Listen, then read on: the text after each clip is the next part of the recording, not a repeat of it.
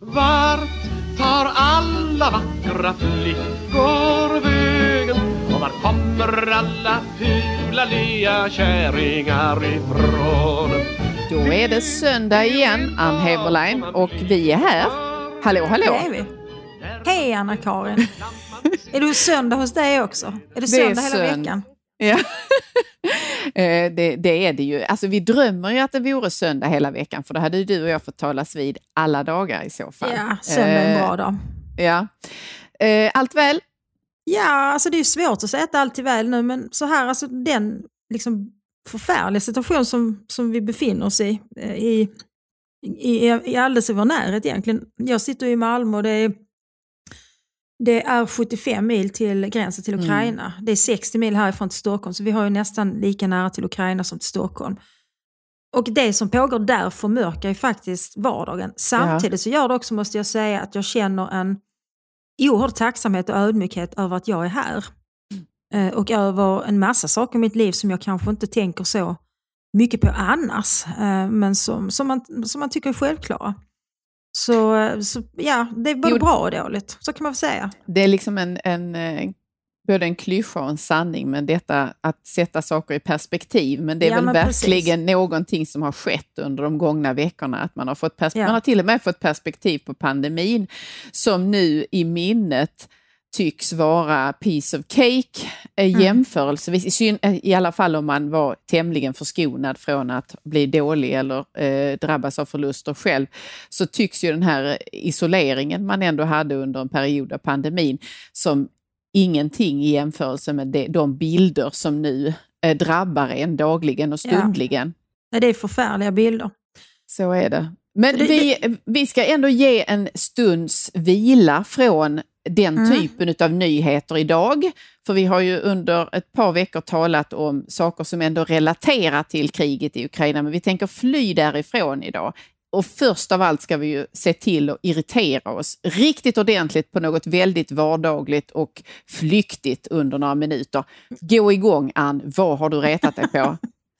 Ja, alltså irritationen är ju en vila också på sitt Mm. sätt. Ja, jag har varit ute och åkt nattåg i eh, den gångna veckan. Ja, Jag var nämligen på en snabbvisit i Stockholm för att eh, vara med i en bokcirkel ledd av Stina Oskarsson som handlade eh, utifrån den här otroligt håsade Martin, jag har faktiskt glömt vad han heter nu. Han är Häggström. Ja, precis. Häggström. Han, har skrivit, han är littera, litteraturvetare och lajvar nu filosof då och har skrivit en bok som heter eh, Vårt enda liv. Och redan där kan jag reta mig faktiskt, för det är en mycket dålig bok. Mm. Men trots att den är mycket dålig så har den blivit upphöjd liksom till, eh, jag vet inte vad, något som ska förändra vår värld. Och han Eh, har sommarpratat och han har varit med på Jesus. massa olika ställen, denna, denna filosof. Ja, han är ju eh, litteraturvetare som litteraturvetare. sagt. Jag kan säga Han att är han är sannoliken inte teolog, för det han skriver om teologer det, det är ren, ren, eh, rena falsarierna som en av mina Mm. gamla professorer som sagt. Han är, skulle man kunna säga, en Jordan B. Peterson för vänstermän. Det är Ah. Mm. de som hyllar honom, det är de som älskar honom. Och jag tror att man kan läsa honom på samma sätt som man kan läsa Peterson. För Peterson kan man läsa på ett väldigt ytligt sätt för de här väldigt liksom lättillgängliga råden. Och så kan man läsa honom på ett lite djupare sätt och se referenser till andra och så vidare. Mm. Men när man, när man synar Häggströms referenser och hans kunskap så är de väldigt grunda. Mm. Eh, Men det är egentligen inte det som är min, min huvudsakliga irritation nu, utan det är nattåget. Ja, för jag tänkte hela tiden så här, jag ville fråga, fick du en egen kuppe? Nej. Alltså för det var, nej, du fick jag fick dela. dela. Ja. Eh, det- var en sån här kupé för tre, för Oj. damer, tre damer. Ja. Och det var bara jag och ytterligare en dam, så det var ju bra. Men Hade ni någon sova- sprit med er? Nej. det, var, det var de här små pappkartongerna med, med SJs vatten som Ja. smakar papp just. Nej, men jag, jag fick sova där högst uppe. Mm. Eh, Och bara det är ju fruktansvärt att Mm. ta sig ändå upp. Jag tänker på ditt dåliga balansinne som du pratade om förra veckan. Jag ja. kände jag gick upp för den rangliga stegen med min bakdel som ju på något vis dra, tynger ner kan jag säga. Att jag skulle behövt en cykel igen. Men den riktiga irritationen var att det fanns ett eluttag i hela den här kupén och det var längst nere. Så jag Åh. kunde inte ladda någon av mina två telefoner eller min iPad. På hela det natten. Någon, det la någon av de andra beslag på då. Ja eh, men full rätt kan jag tycka. För att Ja. den lyckligt lottade kvinnan som fick sova under, så hon var den enda som kom åt det där Ja. uttaget. Jag låg där uppe helt med min jätterumpa. Helt Du- avskuren från, från all kontakt med mänskligheten. Jag, jag blir genast upprörd av ett annat skäl också, för jag tänker, hur ska ni kunna, hur ska man kunna ondulera håret eh, när man gör sin morgontoalett med bara e, ett eluttag? Ni har ju tre olika slags tänger eller eh, fön, eh, fönar med er. Hur ska man Ja. då disponera detta? Och ingen får ladda sina telefoner. Och ni kommer att gå ut därifrån och se helt tilltufsade och oladdade ut. Det här duger inte. Ja, både SJ. jag och mina telefoner var helt oladdade kan jag säga när jag lämnade tåget. Men jag gjorde så att jag, jag gick helt enkelt hem i den pyjamas jag hade sovit. Jag, bara, jag tog bara på mig min, min kappa, eh, ett par solglasögon och sen så gick jag mycket snabbt hem och det tog exakt 12 minuter. Så jag, Ja. jag tror inte att jag väckte så mycket anstöt.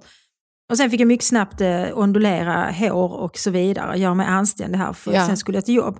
Ja, precis. Så i alla fall, jag skulle vilja ha fler eluttag i de här eh, sovkupéerna.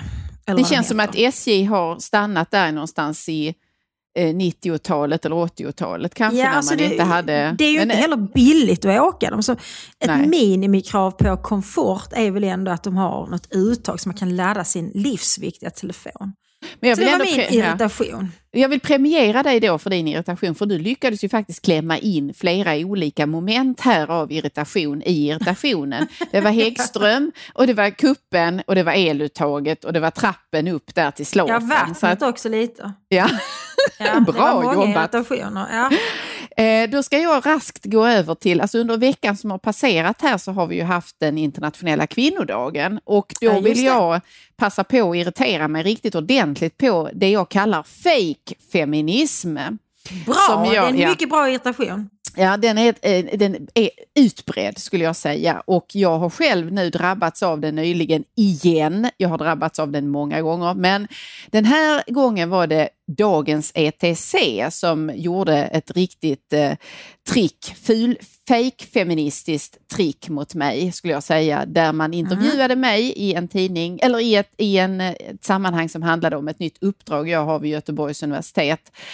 Eh, och jag visste redan när de gjorde intervjun att det här kommer att vinklas till min nackdel. Därför var jag väldigt noga med vad jag sa, hur jag, an, vilka ord jag valde. Jag läste igenom det och sen så kunde jag se ändå ah, de kommer att twista det här som att jag har inbillat mig en massa saker, att jag inte riktigt vet vad jag talar om, att jag bara är ute efter att göra en poäng lik den jag gör i boken Genusdoktrinen. Men ack så jag bedrog mig. Visst gjorde de den här poängen, men den stora grejen var att de inte tänkte bevärdiga mig med att nämna mitt namn i rubriken, utan där fick jag heta Ivar Arpis parhäst. Åh, Ja, var det inte ett fint sätt att fira internationella kvinnodagen så säger jag Ja, denna jag- vänsterskrift. Ja, jag, jag uppmärksammades givetvis på detta och min irritation var ju mångbottnad även där. För dels blev jag irriterad av att du inte tillerkänns ett namn, men jag blev också irriterad av att du plötsligt är Ivar Arpis parhäst. Jag känner att du jag måste prata om detta Anna-Karin. Ja, Jag men trodde alltså- att det var du och jag nu. Ja, och är vi någon, vi är, vi är verkligen parhästar här. Vi drar ju den här kärran som heter Söndagsskolan tillsammans varje söndag. Ja. Men, nej, men det, det, på något sätt så kändes det som att det där var väl också under den här tidningens värdighet att göra en sån sak. Men någonstans är det en fake-feminism därför att detta är en skrift som gärna vill profilera sig som, som varandes feministisk och mycket angelägen om rättvisefrågor och dylikt. Och jag skulle säga att det här är en, eh, ett sätt att paketera ett, en artikel och en person som är allt annat än just det. Eh, Till Ja. min stora lycka så, så förefaller läsarna av dagens ETC ha insett detta och i kommentarsfält och liknande påpekat just att det vore väl fint om eh, den stackars kvinnan här fick i alla fall eh, nämnas vid namn. Så att det Ja. tackar jag för. Det är så intressant för förra veckan så pratade vi om män och Mm. en av de saker som vi pratade om det var just det här att om man samarbetar med en man så riskerar man att bli helt osynlig. Mm. Ja, om, en man och, om, ja, om en man och en kvinna samarbetar så tänker framförallt andra män att det är mannen som är hjärnan och kvinnan, Mm. ja men hon korrekturläser väl. Ja, hon har blivit det var väldigt tydligt här. Ja, precis. Eller hon har blivit inlurad i att samarbeta med den här personen och mot bättre vetande så, så har hon då sammankopplats och gjort någonting tillsammans med en person som dagens ETC ogillar. Men jag vill ändå än en gång säga att det var jag som tog kontakt med Ivar Arpi. Det var jag som hade en idé om att vi skulle göra ett samarbete så att mm. jag parade ihop mig med honom där. Och sen har jag parat ihop mig med dig och det är jag är ja. lika glad för båda två. Men du är liksom ändå den aktiva parten. Om vi tänker på liksom den här klassiska platonska uppdelningen mellan man och kvinna så är ju kvinnan är ju då det passiva och mannen det aktiva och kvinnan är det fuktiga och mannen det torra och så är det det Ja du vet, det mörka yeah. och ljusa och så vidare. Där mannen står för allting som ändå känns lite mer trevligt. Liksom kvinnan är fuktig och mörk och passiv. Ja, medan mannen den mörka är kontinenten. Då, ja precis, den mörka kontinenten. Nej men alltså den här sortens fake feminism har jag, har jag också stött på många gånger. Och Alltså för, för den här sortens feminister så är kvinna inte liksom varken ett, ett biologiskt kön eller ett liksom självpåtaget kön, utan könet är en hedersbeteckning för mm. dem. Mm. Så du och jag och eh, kanske Alice Teodorescu och flera till, vi är inte kvinnor i deras ögon. Ja, just det. Därför vi tycker fel och är man kvinna så måste man ha samma åsikt som dem, annars är man något annat. Mm. Eh, det är en väldigt märklig tankevurpa men det är faktiskt så det fungerar. Ja precis och ja, vi, vi kan väl uppmana alla våra smarta aktiva lyssnare här att markera mot sånt här och vara obs på att det sker och att det även om det sker under en etikettering av att vara feminism eller eh, den typen av rättviseaktivism så är det sällan det i sitt faktiska innehåll och mm. det kan man gott peta på och påpeka när man ser det och när man får det i facet som jag fick då häromdagen. Ja. Men där, eh, därmed lämnar vi dagens, eller veckans irritationsmoment eh, mm. som vi, vi lyckades uppröras även denna vecka. Också denna vecka lyckades vi bli upprörda. Ja, men ändå petitesser jämförelsevis. I det stora hela, ja precis. Har blivit en madam med skunk bak och fram. Vi skyndar över till dagens ämne. Vill du, vill du introducera det, Ann? Det kan jag väl göra. Eh, dagens ämne är inget mindre än förförelse. Mm. Oh, förförelse, ja det skulle man kunna säga, alltså, synonym till förförelse. Att övertala eller kanske till och med att förleda. Mm. Eller att erövra. Förförelse kan också vara någon sorts maktutövning. Ja. Eh, och eh, ibland när man tänker förförelse så tänker man ju att det handlar om att man vill locka någon till något slags eh, sexuellt umgänge och samvaro, lite mot den här personens vilja, kanske det ska övertalas. Eh, men vi har också den politiska förförelsen. Ja, och sen kan man se det som bedrägeri. Mm. Och jag skulle säga att vi började fundera kring det här ämnet, eller i alla fall jag, och sen så drog jag in dig i detta. Jag förförde dig mot att vilja prata om detta. Efter att jag hade sett eh, den här Netflix-dokumentären Tindersvindlaren. Ja, just det. Och Tindersvindlaren, han gör egentligen allt det här. Han är inte så intresserad av politik, det kan man inte säga. Men han övertalar, förleder, erövrar. Eh, och det blir sexuellt umgänge. Och sen så bedrar han de här stackars kvinnorna och eh, snor dem på alla deras pengar. Precis, och han gör ju också något annat som är typiskt för förföraren, nämligen mm. att han sätter i utsikt ett bländverk, eller han, han skapar en, ett bländverk av, för de här kvinnorna av, omkring sig själv och i fråga mm. om de, den uppdiktade förmögenhet han säger sig besitta.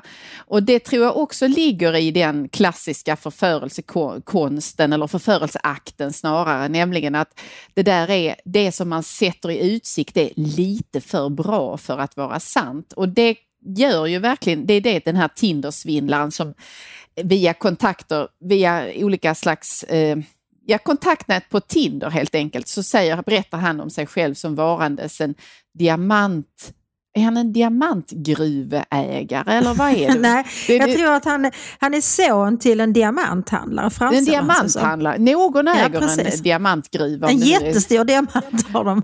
Ja, den största. De, de är eventuellt släkt med de eh, sju små dvärgarna i Snövit. För som, den du vet väl att det heter kortväxta, Anna-Karin? Ja, ja, just det. Ja, men Toker, alla de där. Där finns Toker Tinders... och hans vänner. Där finns Han... Tindersvindlaren. Jo, så här. Tindersvindlaren har en gruva och i den jobbar Toker och hans vänner. Nu blir det en, det blir en helt annan dokumentär.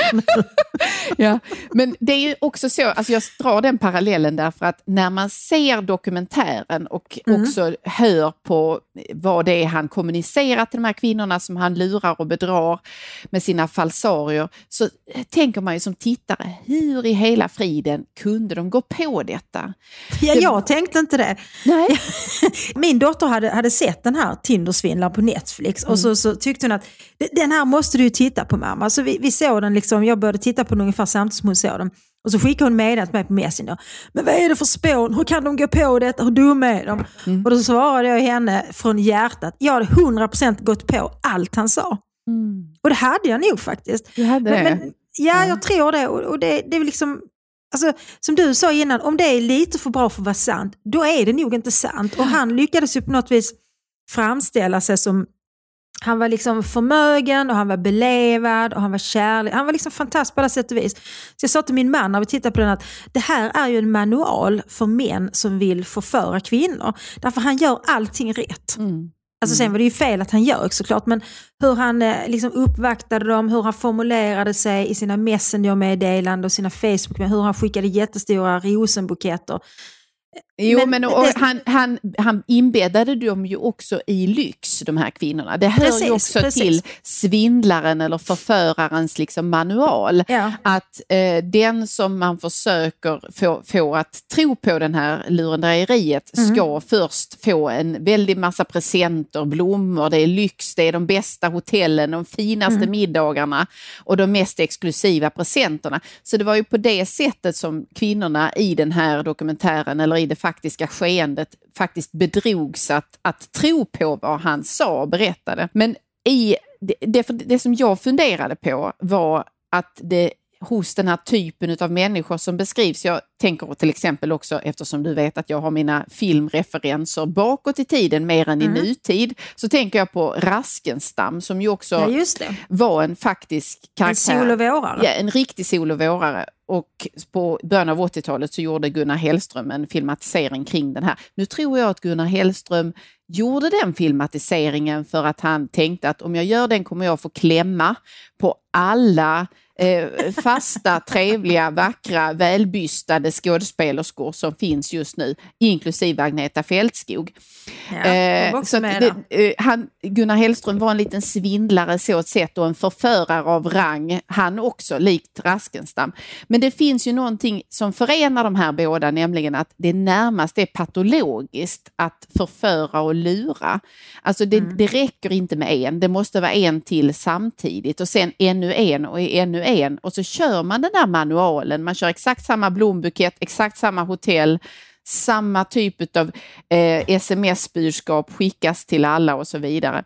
Och det tycker jag också är intressant i detta kopplat till förförelse just att det är det, man vill ju tro att man är utvald, att det är unikt, men så är det bara så att säga en viss en konst som visas upp gång efter annan, efter kvinna efter kvinna, man efter man. Ja, och det var så tragiskt för att liksom, vi fick ju följa den här dokumentären då, som som sagt heter Tindersvindlaren. Mm. Eh, där är det ju flera kvinnor som då har blivit utsatta för honom och de har ju blivit förälskade i honom. Och det som är så smärtsamt för dem, dels är det naturligtvis smärtsamt att, att de blir, förlorar väldigt mycket pengar på detta. Men också när de inser att ingenting har varit äkta. Mm. Därför när de börjar jämföra sina erfarenheter så visar det sig att han nästan ordagrant har skickat samma sms till dem. Mm. Han har gjort samma saker, han har tagit dem till samma plats och så vidare. Så han har ju ett manus som han eh, liksom eh, utgår ifrån och spelar upp inför varje kvinna. Och målet är då att till slut få kvinnan i fråga att låna pengar för att han påstår att han befinner sig i någon slags dödsfara. Och då så har han ju redan knutit dem till sig väldigt hårt. Men, men jag funderar över, för jag tror inte att det är framförallt lyxen som lockar dem. Utan jag tror det är något annat. Jag tror att han ger de här kvinnorna 100% uppmärksamhet och enormt mycket bekräftelse. Mm. Alltså han, mm. jag tror att det är det de, de längtar efter mer än något annat. För att förförelse är ju i grunden att identifiera vad den andra längtar efter ja, och göra sig till det, att erbjuda detta helt enkelt. Mm. När man förstår att det här är en människa som längtar efter trygghet, det här är någon som längtar efter spänning, det här är en kvinna som vill bekräfta för sitt yttre för att hon är osäker om sitt yttre. Eller det här är en kvinna som vill att jag uppmärksammar hennes överlägsna intellekt. Men då har man ju olika strategier som förförare eh, beroende på vem man har framför sig. Och det ja, var han väldigt bra på. Ja, men och där i ligger ju lite om man då växlar på genus och kön här att det, det behöver inte vara den typen av relation att det är en man som förför en kvinna. Nej. Det kan vara en kvinna som förför en man eller samkönat eller hur man nu vill ställa upp detta. Det jag tänker är det centrala i en förförelseakt, det är just detta med att det finns en maktdimension som vi varit inne på lite mm. tidigare, mm. med att det handlar om att det är någon som tar kommandot och ut, eller hittar ett sätt att maktspela den andra. Mm. Och jag tänker till exempel på en, en klassiker som Fröken Julie. Mm. av August Strindberg och där vi har spelet emellan överklasskvinnan, eh, fröken Julie då, grevens dotter. Och mm, sen mm, och betjänt, ja, precis, som är betjänt och som mm. representerar underklass eller arbetarklass. Men där eh, Strindberg på ett mycket sinnrikt vis i det här dramat visar hur makt, maktbalansen mellan dem hela tiden tippar åt den ena åt den andra och där när Jean slutligen då förför Julie, Julie så har han liksom greppet om henne. Mm. Då har han erövrat henne, då är han, hon är hans. Och sen lyckas han också genom den här överordningen han då vinner driva henne till att eh, faktiskt ta sitt liv i slutet av, av dramat. Ja, jag funderar över, när, du talar om liksom den här erövringen, Jeans erövring mm. av Julie, det, det, är ju en sexuell förförelse han ägnar sig åt, den byggs upp och så vidare. Men, mm. men tror du liksom att, att, att själva penetrationen har någonting med det här att göra? För jag tänker på en essä av Horace Engdahl mm. i hans essäsamling som heter Den sista grisen, eller hur? Mm. Mm. Eller möjligtvis Det sista svinet, men det är den här, det här galtaktiga djuret. Ja, just det. det ja. Ja. ja. Och där beskriver Horace varje liksom heterosexuellt samlag som ett fältslag. Och där mannen upplever eh, det som seger varje gång han får penetrera. Och jag, tycker, jag vet att en del har läst den essän som, som något som är liksom, att det känns våldsamt i otäckt. Men jag tycker det är lite rart på något vis. Att männen lägger så stor vikt vid detta att vi släpper in dem. Förstår du? Att de blir så glada över det. Tycker ja. att oh nu vann jag, hurra mm. för mig. Ja. Uh, Nej, jag tycker det är uh, ett, ett lite simplistiskt sätt att beskriva det och en, liksom också en reduktion av vad det här spelet är som vi talar om nu och som naturligtvis också kan utspela sig på precis samma vis mellan eh, två kvinnor eller två män som begär varandra. Och så att säga ta olika karaktär i den sexuella akten jo, då. Men, men naturligtvis måste... spelar ju det, alltså så att säga om det kröns med att man eh, ligger med varandra på något vis eller har den typen av umgänge. Det är klart att det spelar roll i förförelseakten.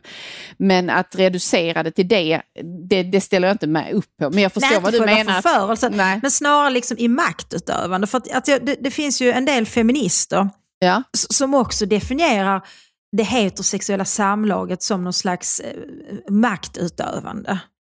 Det, det, fanns ju, jag vet inte om de finns längre, men ett tag så fanns det kvinnor som var lesbiska av politiska skäl. Ja, just det. Ja. och det var det för att de inte ville vara med om den här liksom, Jag tänker att det måste vara väldigt tråkigt att välja sin sexualitet av politiska skäl. jag vet inte, det känns inte så sexigt. Men de har ju då blivit förförda på ett annat sätt kan man säga. Mm. Det känns ju som en kraftfull politisk förförelse. Mm. Om man till och med, om man är så uppslukad av en ideologi så att man går emot sina egna drifter, mm. då måste man ha blivit utsatt för en, en oerhört eh, effektiv förförelse, tänker jag mig. Ja, fast du vet vad, jag tror faktiskt att man kan göra en poäng av detta och dra förförelse till att handla om någonting annat än just den sexuella akten då, där det, mm. kvinnor som säger så, eller personer som säger så, att det är eh, av politiska skäl man väljer sin sexualitet, där handlar det kanske om att man har blivit förförd av en ideologi, ja, eller av ett, av ett, politiskt program snarare, mm. som då plötsligt eh, dragningskraften i det här programmet och att man känner en tillhörighet när man sen så att säga solidariserar sig med det och lever i enlighet med det. Det är motsvarigheten till det vi talade om tidigare. Och i båda fall underordnar man ju sig då till, till detta program eller till den samhörigheten, tillhörigheten och slutar lite tänka med sitt förnuft, slutar agera förnuftigt. För där finns det ju paralleller till det vi talade om tidigare med Tindersvindlaren och kvinnorna där som helt enkelt liksom stängde av sitt tänkande och istället bara lät fantasin flöda och eh, få lov att så att säga göra den här eh, scenen som mannen ställde upp till att vara en sanning och inte bara en kuliss. Mm. Jo men det är sant. Men jag tänker att det handlar om också hur man riktar sitt begär på något vis. Alltså att man kan rikta om det från det sexuella till något annat. Ja. Att man vill vara del i den här rörelsen. Ja, precis. Den politiska förförelsen är ju intressant. Alltså jag tror aldrig att jag har lyckats bli uppslukad på det sättet av en ideologi eller en rörelse. Jag kan bli uppslukad av en idé men då blir jag det på ett väldigt individuellt sätt.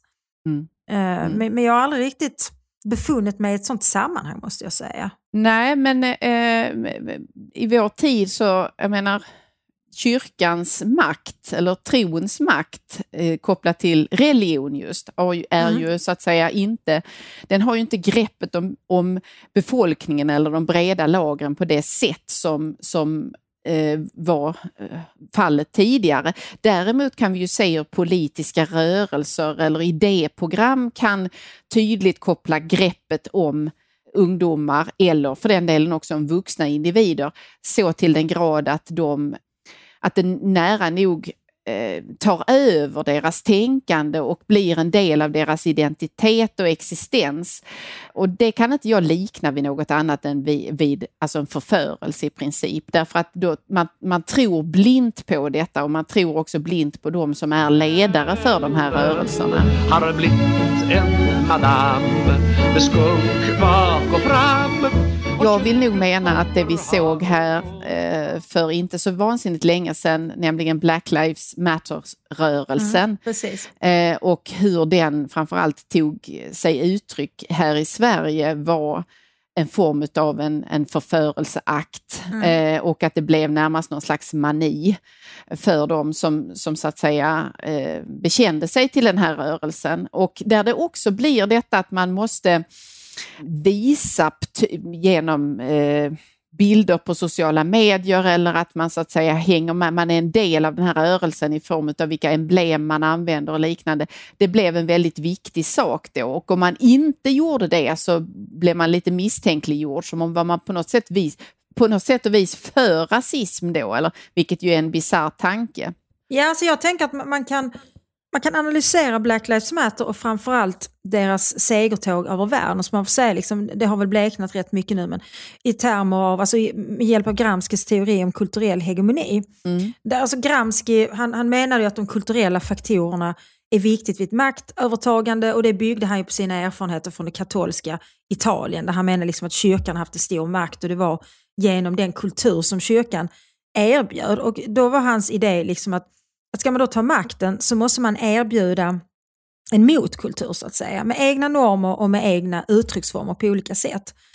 Och om man då ska lyckas med detta så måste man för det första få genomslag för sin uppfattning av det problem som man vill lösa. Och det lyckades ju Black Lives Matter verkligen med. Liksom. Ja. De, vill, de fick genomslag för problemet att svarta människor blir eh, liksom utsatta för våld av polis, då, polisbrutalitet. För det var ju liksom det som var startpunkten med George Floyd. Mm. Sen så måste de, när de då har fått människor att lyssna, okej okay, här har vi ett problem, vi ser ett problem här, då formulerar de sina egna intressen. Och sen så förankrar man dem i en mer generell teori och så gör man de här uppfattningarna allmänt tillgängliga och mobiliserar stöd för sin sak. Och det tycker jag att Black Lives Matter nästan är ett skolexempel på. Alltså de ja. utgick från det här individuella fallet som om man synade lite i sömmarna så, så var det kanske inte ett så tydligt exempel på att en oskyldig man blev eh, liksom misshandlad till döds av en rasistisk polis på grund av sin hudfärg. För att det visade sig att den här George Floyd hade lite annat i bagaget också och kanske ja. inte hade varit helt välvilligt inställd. Men de lyckades, men alltså, de, de ett bra narrativ. Ja, eh, men och behandlingen av eh, George Floyd i samband med att polisen så att säga höll fast honom var inte så som polisen skulle agera. Det, Nej, där, där de, vi, de bröt mot sina regler. Exakt, ja. Absolut. Han blev utsatt för en orättfärdig behandling, det mm. måste man säga. Men de lyckades i alla fall ändå liksom få den här berättelsen att få vingar och de lyckades också formulera krav eh, i samband med detta. Och de kraven blev ju liksom också kanske mer och mer underliga eh, kan man väl säga. Och sen så spreds ju det, jag menar vi Gud ska veta att den svenska polisen säkert också har problem. Mm. Men det som vi ser i USA med den sorts polisbrutalitet, det är ändå tämligen ovanligt i Sverige. Mm. Men trots det så fick ju den här rörelsen väldigt starkt fäste i Sverige också, i alla fall en kort period. Ja, men och då, tror jag är en del av den här förförelsen. Faktiskt. Ja, precis. Och att man, att man ville tillhöra det. Och I samma eh, vända så gör man då likamädstecken med den, den det typ av förtryck eller den typ av orättvisa som eh, finns kopplat till den amerikanska polisen och i vissa, speciellt i vissa sammanhang eller i vissa stater eller i vissa städer mm. och kontra då, eller lika med vad vi ser hur den svenska polisen agerar. Och det blir då också lika med tecken mellan den typen av rasism, vardagsrasism som finns i USA och den typen av, alltså ska samma fenomen finnas i Sverige. Mm på lika bred front och det gör det ju inte. Det gör det ju inte, utan där blir så att säga parallellerna haltande. Men om man då erkänner att de haltar, då är inte den här eh, rörelsen lika så att säga eh, all, allomslutande och eh, motiverad att gå in i med hull och hår på det sätt som väldigt många unga människor och också människor upp i åren gjorde. Och det som jag tyckte var djupt problematiskt med, med den, när den här stod i scenet så att säga, det var ju att också hur man skrev om detta i eh, hur man eh, täckte det i media, i dagstidningar, i nyhetsinslag och liknande var tämligen okritiskt. Men när vi kan se i efterhand på de domar som har kommit av hur man betedde sig under demonstrationer och liknande så utsatte man ju polisen för eh, stenkastning och olika typer utav eh, våldshandlingar som inte ska förekomma i demonstrationer överhuvudtaget. Så att där, där vände man ju på vem var det som var våldsverkare och inte. Mm. Och det är, det är ju någonting som vi kopplar tillbaka till det vi talade om förförelse och Gramsci och det här med, med liksom hegomo, hegemoni överhuvudtaget. Att det är ju liksom när det här kopplar greppet om en stor grupp så blir det plötsligt också farligt. Ehm. Ja, alltså vi har ju flera alltså, socialpsykologiska experiment i den riktning som det här Paolo Alto-experimentet som mm. sen blev en film som heter Divelle. Mm. Eh, och det, det experimentet syftade till att försöka förstå hur eh, ett, ett helt folk kunde ställa sig bakom en ideologi som nazismen, alltså en, en, en fascistisk och människofientlig ideologi. Så det var väl en, en lärare som, som, ville, som utsatte sina studenter för detta, eller hur man ska säga. Och alltså, det är ju ett, det är ju ett tydligt exempel på just förförelsen, där man skapar den här gruppkänslan som då börjar skapa sina egna regler och så vidare. Mm. Eh, och då börjar stöta ut de som inte tillhör så att säga. Nej, men, ja precis, den, Divelle är ju också en, eh, ett gott exempel just på hur man först de här unga människorna som är med i experimentet och som skildras sedan i filmen, de, ingen där tror ju att de skulle kunna falla offer för dylik politisk Nej, förförelse. Det är det så att säga som de ja. hela tiden säger till läraren att hur kunde det ske, det som skedde i Nazityskland? Vi hade kunnat stå emot bättre och så när läraren börjar göra det här experimentet med dem så visar det att de är lika villiga att bli ledda, att bli förförda, att få en speciell roll, nyckelposition i den här rörelsen som han då skapar med sina fantasier och sitt experiment. Vilket ju, alltså det är ju det som är huvudpoängen i exemplet, nämligen att vi är alla möjliga offer för den typen mm. av farlig förförelse. Precis, och där förförelsen handlar om just den här känslan av att vara utvald. Ja.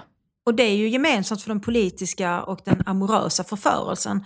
Att känslan av att vara den utvalda, att vara speciell är på något vis det är helt avgörande. Det är det som är lockelsen. Ja, ja. Där kan vi ju ta, jag menar tar man parallellen till, vi talade om den politiska förförelsen, men den religiösa förförelsen i form av, vi har ju här under några, sedan några decennier tillbaka har ju fallet Knutby ja, eh, fångat människors intresse och med liksom tappade hakor såg vi det som, eh, när, mm. när det där avtecknade sig, vad var det som hände där? Jag vet inte hur många dokumentärer, böcker, Eh, eh, reportage som har skrivits och gjorts om denna lilla by utanför Uppsala. Mm. Där ett mm, sektliknande eh, religiöst sammanhang då existerade under en period.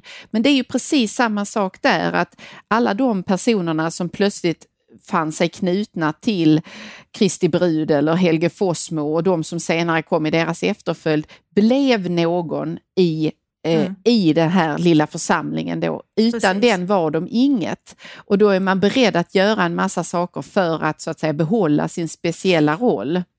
Ja, och jag tänker att det säger nog också något så djupt mänskligt på något vis, just det här enorma behovet som de flesta av oss har av att känna oss utvalda och speciella mm. och att ha en uppgift. Det tycker jag är så intressant om vi, alltså om vi tänker på Putins Ryssland, därför mm. jag upplever att hans folkliga stöd inte längre är så stort. Jag vet inte hur stort det har varit. Och i den mån som, som stödet finns så tycks det inte vara utifrån någon övertygelse egentligen om hans idéer eller om, om honom som, som räddaren. Eller det kan vara där tycks det ju bygga mer på rädsla faktiskt.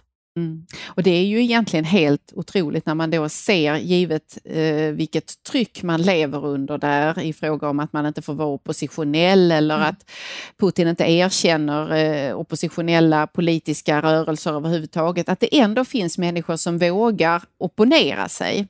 Mm. Och vågar markera detta att man inte så att säga delar hans politiska projekt och att man strävar efter att, att, att bryta det.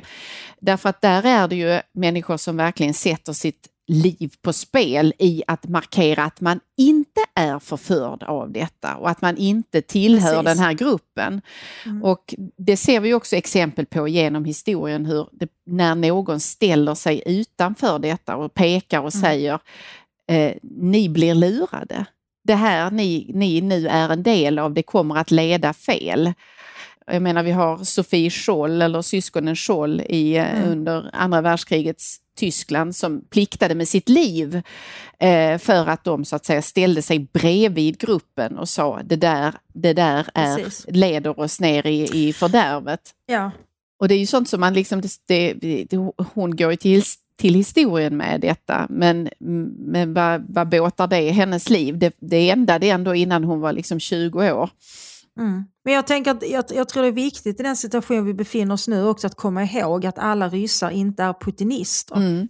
För många år sedan nu, det var väl 2000 eh, åtta så bodde en, eh, en eh, flicka hos oss som heter Arsalana som eh, är uppväxt i Sankt Petersburg medan en av mina söner var i Frankrike som utbytesstudent. Så var hon hos oss hon gick i gymnasiet i, i Lund och bodde hos oss ett år. Och Arsalana och hennes familj tillhör den mongoliska minoriteten och är praktiserande buddhister.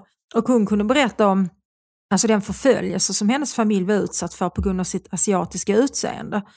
Så efter hon hade varit ett år hos oss så var hon i Kina ett år. Och nu, nu är hon tillbaka i Sankt Petersburg. Jag har försökt få kontakt med henne ett tag mm. och inte lyckats faktiskt. Hon, hon, hennes Facebook fungerar inte längre. Men genom hennes syster Alexandra som lever i, i Prag nu så fick jag kontakt med henne. Så nu skickar Alexandra meddelanden mellan oss. Och Alexandra, mm. då hennes stora syster, är journalist och oppositionell. Och redan för över tio år sedan när Arsalana bodde hos oss så så var Alexandra utsatt för förföljelse och hot om att kastas i fängelse. Hon skrev bland annat om sådana saker som Pussy Riot och så vidare. Mm. Och det där tänker jag på när jag, när jag läser på sociala medier eller ser eh, liksom mindre genomtänkta politiker kräva att alla ryssar i Sverige ska kastas ut och om ryssar söker asyl här så ska de minsann inte få det. Och så. Att jag tror det är oerhört viktigt att vi i det här läget får de ryska oppositionella att känna att de har i alla fall moraliskt stöd. Så att de mm. orkar fortsätta, som du säger, protestera och därmed faktiskt riskera sina liv och sin mm. säkerhet. Mm. De som då inte har blivit, om det handlar om förförelse, för Asalana skrev faktiskt med häromdagen att tyvärr är det fortfarande många människor i Ryssland som inte har sett vem Putin verkligen är. Eh, och det bådar ju inte så, så gott. Nej, precis. Nej, för att jag menar, det är ju det där med när man försöker eh, spå i framtiden, vad kommer att ske och hur kommer det här att sluta, så att säga. Att den typen av opposition, in, inhemsk opposition, och framförallt att de som är i, i eh, maktens närhet där opponerar och kanske så att säga enda, slutar det här på, på det sätt som det endast kan sluta på nämligen att Putin inte finns mer då, det, det förutsätter ju att de där krafterna blir starkare och starkare. Av midjan så smal, så att royal en Aj, aj, aj, det kluckar i rören. Men det är väl inget att bry sig om? Jo, då är det dags för de gröna bilarna. Spolarna behöver göra sitt jobb. Spolarna är lösningen. Ah, hör du? Nej, just det. Det har slutat. Nej. Dåliga vibrationer är att gå utan byxor till jobbet. Bra vibrationer är när du inser att mobilen är i bröstfickan. Alla abonnemang för 20 kronor i månaden i fyra månader. Vimla! Mobiloperatören med bra vibrationer. annan typ av förförelse. För en, en människa som sa till mig en gång att intervjua, eller en journalistisk gärning så att säga, som intervjuar någon, det är också en form av en förförelseakt. Nämligen att, nu knyter jag lite ihop detta med min inledande irritation här med fejkfeminismen på dagens ETC. Alltså när du blir intervjuad av en journalist, har ju du och jag blivit ett antal gånger, och då Mm. handlar det ju alltid om ett, en förtroende eh, relation där. Tror jag att den här människan kommer att förvalta det jag säger på ett vettigt sätt och vågar jag därför berätta saker eller svara ärligt på de frågor som ställs. Men det där är ju, liksom, jag tänker från andra sidan, om jag vore journalisten som ställer frågorna, så handlar det ju om att, att övertyga den jag intervjuar om att jag har goda avsikter och att jag är så otroligt intresserad och jag kommer på alla vis framställa dig i ljus och eh, smick, eh, smickrande dager. Men sen kan det ju vända då och så visar sig att texten du får läsa, möjligen om du får det i förväg, är inte alls gjord på det sättet. Hänger du med på hur jag resonerar här om att det, det Ja. finns ett, en, en förförelseakt också i detta? Ja absolut, för som du säger så journalistens eh, uppgift, jag, jag tror man får bättre intervjuer om man, om man jobbar med att förföra den man ska intervjua genom att faktiskt visa sig vara sympatiskt inställd, vänlig, uppmärksam och så vidare. Det är nog mycket mer effektivt än att köra Janne Josefsson-style. Alltså, jag tror Björn af Kleen, som ju är eh, nestorn bland journalister i Sverige på att förföra, Förföra, sina ja. intervjuer. För, ja, men han är ju en, en förförisk journalist i den meningen att han, han lyckas nästla sig in hos människor, han lyckas få dem att blotta sig och han Mm. gör det hela tiden på ett mycket, mycket artigt sätt. Han är o- läsa tve, tveklöst skicklig, måste vi ju säga. Ja, det är han. Mm. Men, men för de här människor, de här aningslösa bytena från Björn af Kleens förförelsekonster så blir det ju en kalldusch när de sen får se liksom sig själva uthängda i Dagens Nyheter. Mm. Verkligen. Medan Janne Josefsson går ju rakt på liksom och anklagar folk. Och då, då blir man ju mer på sin vakt. Ja. Så jag tror af Kleen-metoden är nog mer framgångsrik. Han är mer storförföraren här. Men, jag, ja, men, Ja. men Janne Josefsson har ju också, det, det som har blivit signifikativt för honom är ju detta att han inte alltid berättar att han, förr i alla fall när han var på Uppdrag granskning, att han använde sig av dold kamera. Alltså, och där är det, handlar det mer om att göra samtalet under falska premisser. Eh, rent tekniskt så att säga. Du tror att du bara pratar lite avslappnat med mig här före eller efter intervjun. Men det är Ja. då den egentliga intervjun äger rum. Det är då jag egentligen försöker. Och det handlar om de där med, med, med masker och så också, att man har någon slags mask när man blir intervjuad eller att man försöker vidmakthålla den mask man har satt på sig. Men, och den tror man då bara behövs när eh, anteckningsblocket eller inspelningsapparaten eller kameran är igång. Men den behövs ju hela tiden från start till mål så att säga om man nu inte vill visa, blotta sitt, sitt rätta Nej, ansikte. men jag tänker också både när det gäller af Kleen och, och Janne Josefsson känner jag liksom att någonstans blir de ju också one trick ponies. Därför att hur många till kommer låta sig förföras av Björn af Kleen efter de här reportagen? Och hur många liksom kommer nu att stå och småsnacka lite snickesnack med Janne Josefsson före och efter en intervju. Men- så de, man, man bränner ju sitt knut, krut om man jobbar på det viset, Ja. tänker jag mig. Men jag, jag har för mig att Janne Josefsson har berättat att det där förföljer honom just på det, på det viset Mm. som när han kommer till och ska lämna in bilen på bilverkstaden eller, något, eller besiktiga den. Och då tror folk att så, men äh, vad har jag gjort, vad har jag gjort? Var, var är kameran? Ska du ställa mig till svars nu? Ja, men du, jag tänker att vi ska ta och gå igenom lite olika så här, eh, om vi har några favoritförförelser inom filmens, eller vi har, varit- vi har ju tangerat litteraturens värld och dramats värld, men det finns ju så otroligt många eh, eh, oförglömliga scener som vi alla bär på. Och jag tänker ju att naturligtvis nämna förförelsescenens förförelsescen i Törnfåglarna. Ja, den, eh, den är maffig. Den är maffig. Eh, Ja. där har vi ju prästen. Alltså, jag, jag nämner den därför att där förs ju olika typer av förförelser ihop och konflikterar med varandra. Den, Mm. den eh, unga katolska prästen Ralph eh, som Ja, kommer till en, eh, en stor fårfarm, eh, Drogheda Farm i Australien. Jag vet inte exakt var i Australien, är en stort, stor kontinent där. Men ett jag, jag kan inte riktigt eh, peka på kartan var den här Drogheda Farm ligger.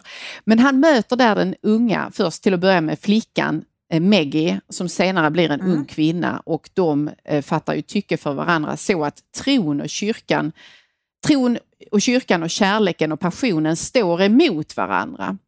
Mm. Och till sist kan inte denna präst stå emot och då är det ett särskilt avsnitt som jag eh, har tatuerat in i mitt minne kan jag säga därför att det, det drabbade mig med väldig kraft när jag var, säg, 9-10 år kanske när jag såg det första gången. Minns du det också? Jag minns det absolut. Var du också kär i Ralph? Nej, faktiskt Var du kär i Maggie? Jag var kär i båda, tror Ja, jag. mer i Maggie än i Ralph, Mm. tror jag. Och där finns ju också den gamla kvinnan med, eller den då lite lätt åldrade. Jag tyckte hon var supergammal då. Jag vet inte riktigt hur gammal hon skulle vara egentligen. Antagligen är hon yngre. Vad var hon yngre än vad 40-årsåldern jag är? kanske.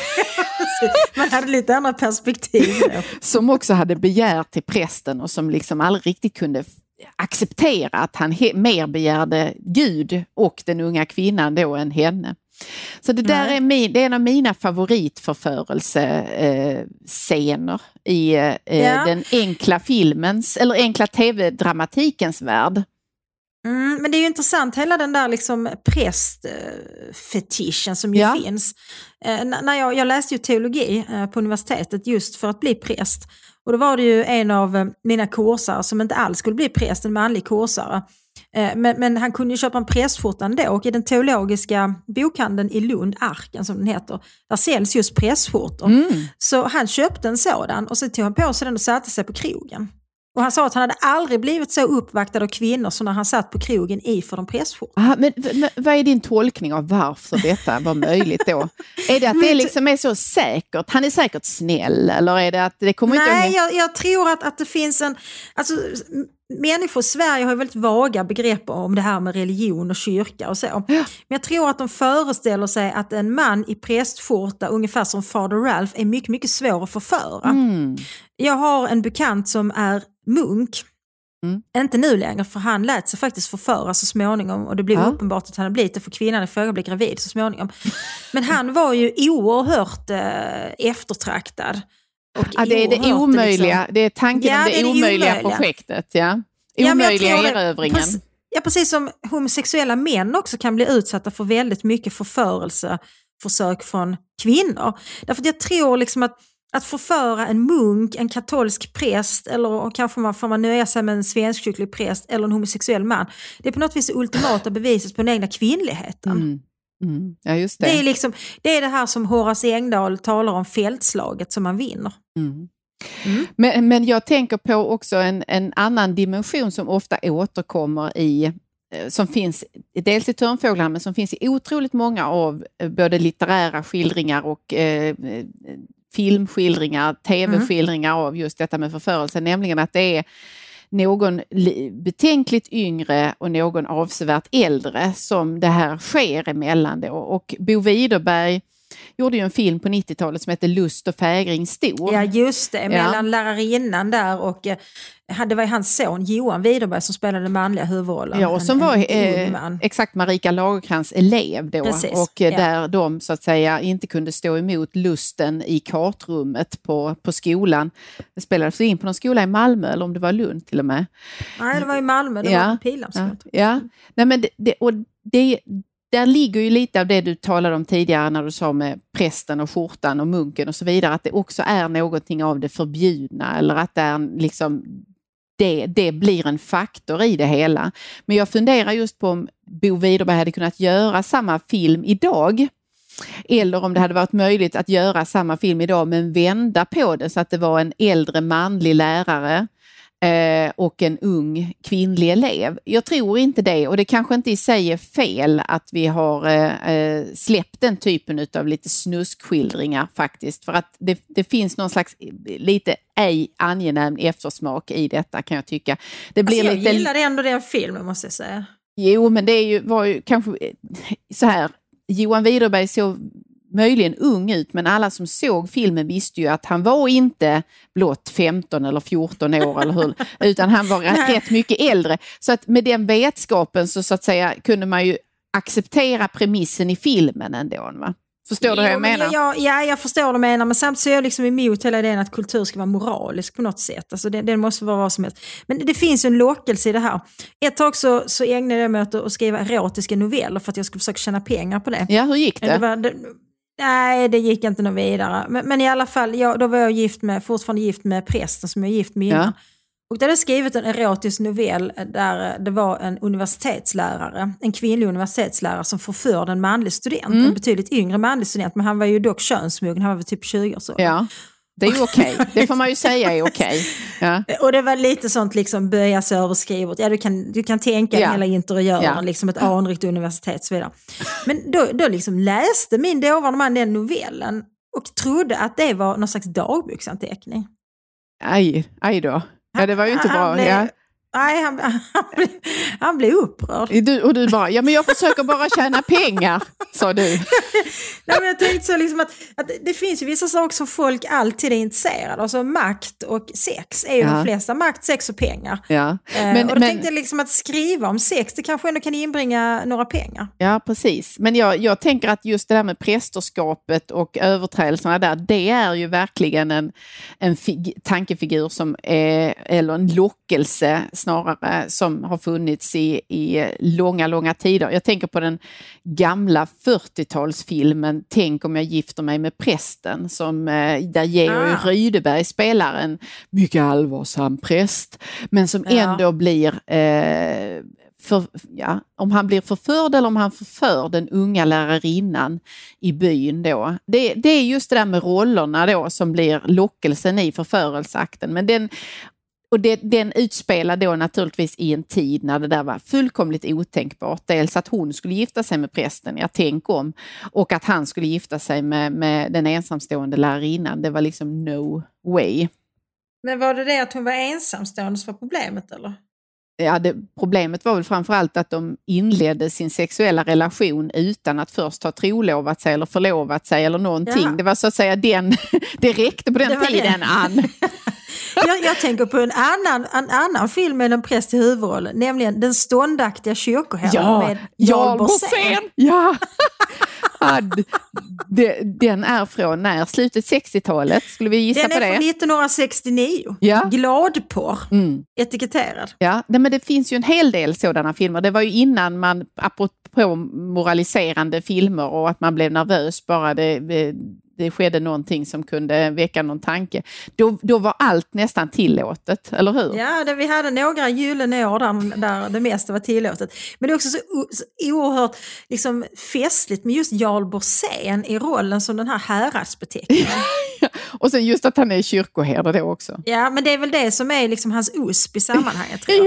ja. jag tror liksom ändå att, att förförelse handlar ju ändå någonstans om att överkomma ett motstånd, att vinna en seger. Ja. Och om man då föreställer sig att just en, en, en präst eh, skulle vara svårare att förföra än någon annan, Mm. Eh, då blir det ju en extra seger, så då kanske prästen eller kyrkoherden då i det här fallet kan vara lite mindre attraktiv än om han hade varit en man utan prästkrage så att säga. Ja, just Därför prästkragen i sig eh, utgör ändå en, en lockelse. Om vi återknyter till törnfåglarna så visst var det ju också en lockelse med Fader Ralph, att han hade, ju, han hade ju lovat att leva bara för Gud. Ja, precis. Jo. Och att då liksom bryta in i det måste ju ändå varit en, en ultimat bekräftelse på något mm. vis. Ja, precis. Och eh, Matlock Island, det var där det skedde, på den ön. Det kommer jag aldrig att glömma. Och man... Förförelsens ö. Har blivit en madam med skunk bak och fram jag skulle vilja eh, avslutningsvis också citera faktiskt eh, Margareta Strömstedts eh, bok, för jag tycker den Mm. har en sån vacker titel apropå detta. Jag skulle så gärna vilja förföra dig, men jag orkar inte. Nej, det kan man känna sympati för. Och det här det kommer sig av att Margareta Strömstedt på 60-talet eh, sitter på en middag tillsammans med författaren Axel Sandemose som då var, Mm. det, var det här är något av, av de sista åren han lever. Jag tror han dog i mitten på 60-talet och Mm. Margareta Strömstedt är väl knappt fyllda 30 eller något liknande. Och han eh, eh, smickrar henne och är betuttad i henne men han orkar inte. Men han skulle vilja. Ja men det är ju rätt så fint. Ja, men det är en vacker scen. försökt Hade, varit, hade han försökt hade det varit mindre fint på något vis. Ja, men om man kan tänka Det- så här, det skulle vara mindre roligt att säga, jag skulle så gärna vilja förföra dig, men jag skulle inte lyckas, eller det skulle inte gå, eller jag skulle inte och så vidare. Nej, han var ändå rätt säker på att hade han väl lagt manken till, eh, Ja. men det skulle kräva så mycket kraft så han visste redan på förhand att jag orkar inte. Men man kan, nu har jag tyvärr inte läst den här boken, men jag blev väldigt nyfiken på det. Jag har läst annat om Margareta Strömstedt som jag tycker om, men inte just denna.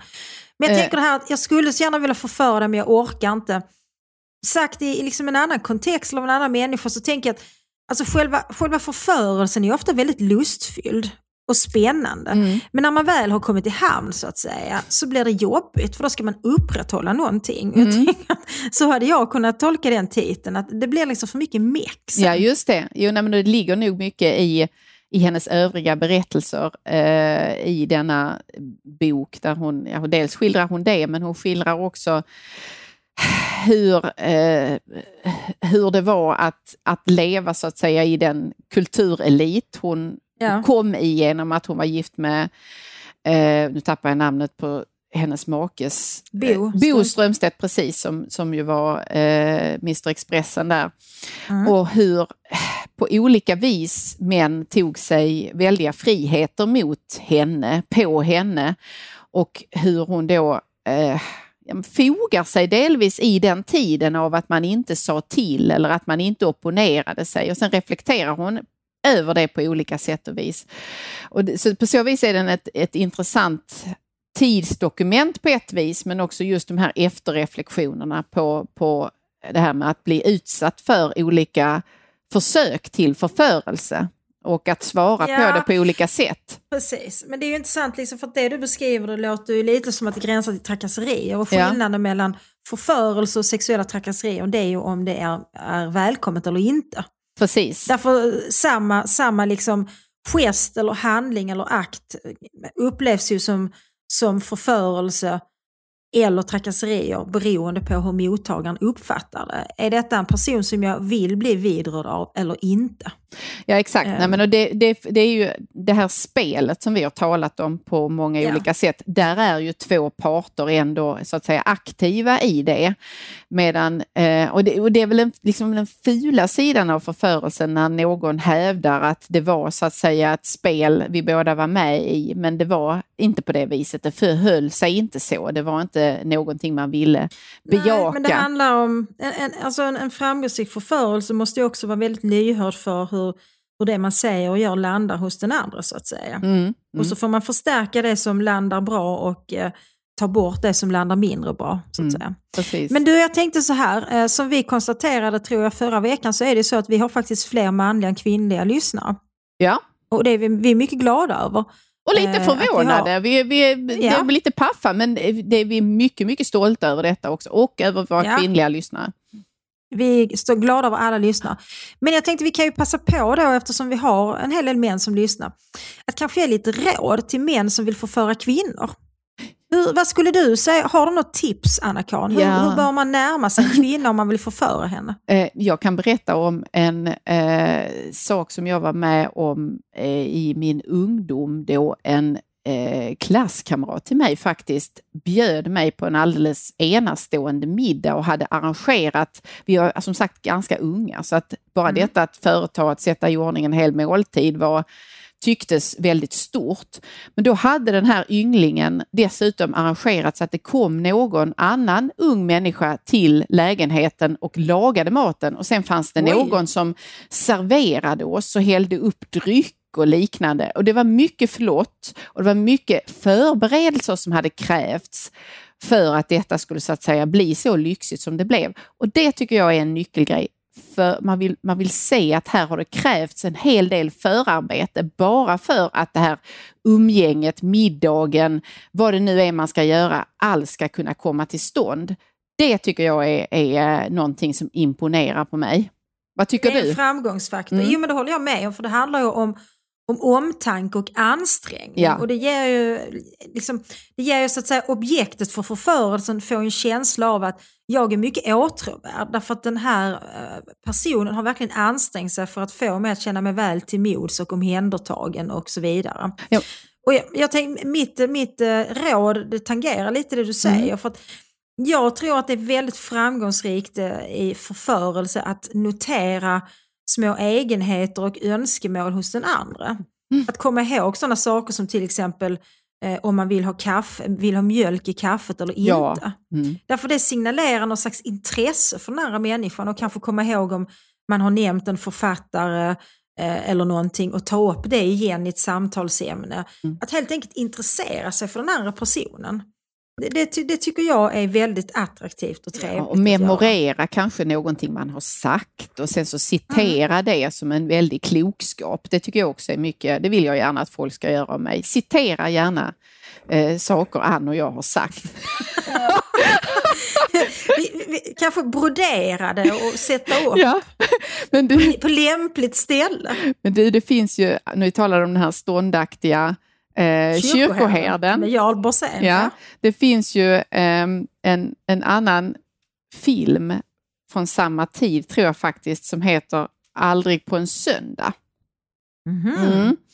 Är du också glad på? Ja, men jag tänker det, men nu kanske jag spekulerar lite fritt. Men jag tänker idag är det söndag och då säger jag varför inte på en söndag? Precis. Varför inte på en söndag? Ja. Söndagen är väl en lika bra dag för förförelse som vilken annan dag? Ja, precis. Och ska vi säga liksom att vi förordar i detta läge inte en politisk förförelse eller ens en religiös, utan nu tänker vi faktiskt en mer romantisk förförelse. Ja. Det kan väl bli dagens projekt? Precis. Och nyttja söndagen till detta. Nyttja söndagen till förförelse, med stil naturligtvis. Naturligtvis. Så hörs vi om en vecka igen. Det gör vi. Ha, det, det bra. Fint, hörni. Hej då! Hej då! Vart tar alla vackra former vägen? Och var kommer alla hakorna på makorna ifrån? Snart startar vår stora färgfest med fantastiska erbjudanden för dig som ska måla om. Kom in så förverkligar vi ditt projekt på Nordsjö Idé och Design.